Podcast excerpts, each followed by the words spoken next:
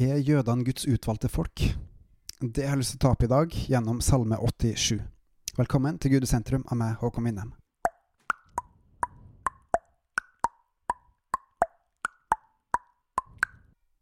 I Salme 87 så står det Av Koras barn, en salme, en sang.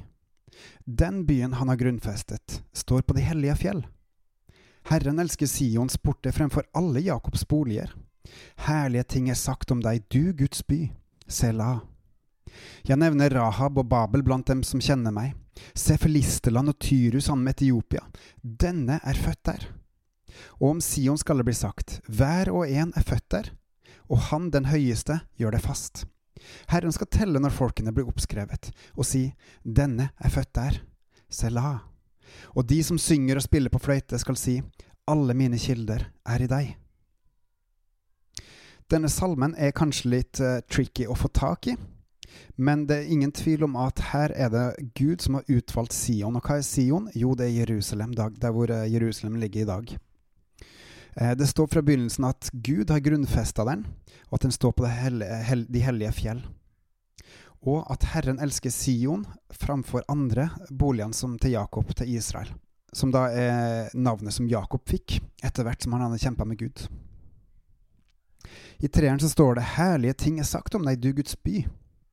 Og der tenker jeg at det er relevant å se litt i 48, hva som står i vers, eh, Salme 48, vers 2-4.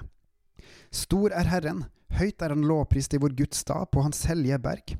Fagert reiser det seg, en glede for all jorden er Sions berg, det ytterste Norden, den store kongens stad. Gud er dens borger, han er blitt kjent som et sterkt vern.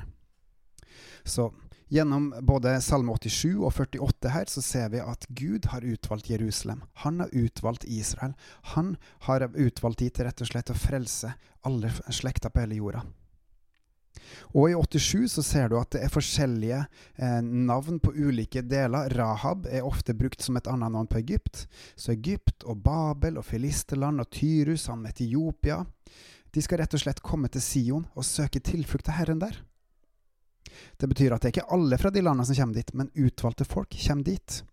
Og igjen så viser dette også at Gud frelser andre folkeslag gjennom sitt utvalgte folkeslag. Og da er det faktisk slik at hver og en som kommer til Han, de skal rett og slett finne frelse der. I Mika 4, eh, 2-4 så står det Mange hedningefolk skal gå av sted og si Kom, la oss gå opp til Herrens berg og til Jakobs Guds hus, så han kan lære oss sine veier, og vi ferdes på hans stier. For fra Sion skal lov utgå, og Herrens ord fra Jerusalem. Han skal dømme mellom mange folkeslag og skifte rett for veldige hedningefolk helt til de fjerneste land. De skal smi sine sverd om til hakker og sine spyd til vingårdskniver. Folk skal ikke lenger løfte sverd mot hverandre og ikke mer lære å føre krig. Men de skal sitte hver under sitt vintre og sitt fikentre, og ingen skal skremme dem. For Herren, herskarnes Guds munn, har talt. Igjen så ser vi et, nok et eksempel på i Gamle Testamentet hvor Gud sier at han skal ta seg av hvert folk. Og hvordan skal han gjøre dette? Jo, det er gjennom den Messias som skal komme.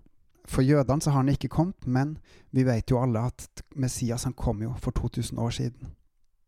For vers 6 i Salme 87, der det står 'Herren skal telle når folkene blir oppskrevet', og si 'denne er født der', så er det også relevant å nevne at i Salme nummer 69 eh, så står det 'La dem bli utslettet av de levendes bok, og la dem ikke bli innskrevet med de rettferdige', som da peker på at det er kun de som søker Gud, som virkelig finner frelse hos Gud. Og dette samsvarer jo også med det som står om livets bok i Johannes' åpenbaring i Nytestamentet. Og det siste verset i Salme 87 sier, og de som synger og spiller på fløyte, skal si, alle mine kilder er i deg.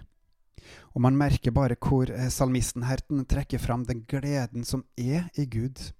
Og i Salme 30 så står det, Du har vendt min klage til dans for meg, du løste av meg mine sørgeklær og ombundet meg med glede og i Jeremia 31, og de skal komme og synge med fryd på Sionsberg. De skal stråle av glede over Herrens gode ting, over korn og most og olje og unge får og okser.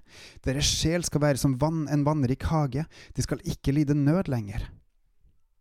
Så Salme 87 handler også om Guds frelsesplan, det at han ønsker å frelse alle mennesker på jorda som vil tilhøre han.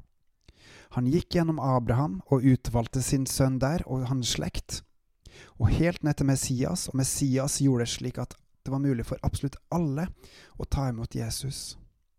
Og derfor så skal hver og en fra alle mulige folkeslag komme til Sions berg, til Sions porter, og lovprise Gud fordi at de har tatt imot han og valgt å følge han.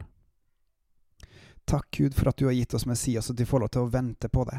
I nåde, i barmhjertighet, i langmodighet, fordi at du viser nåde overfor oss og våre synder. At vi får tilgivelse hos deg, og får lov til å leve sammen med deg. Få kjenne deg den eneste sanne, opphøyde, evige Gud. Amen. På gjenhør.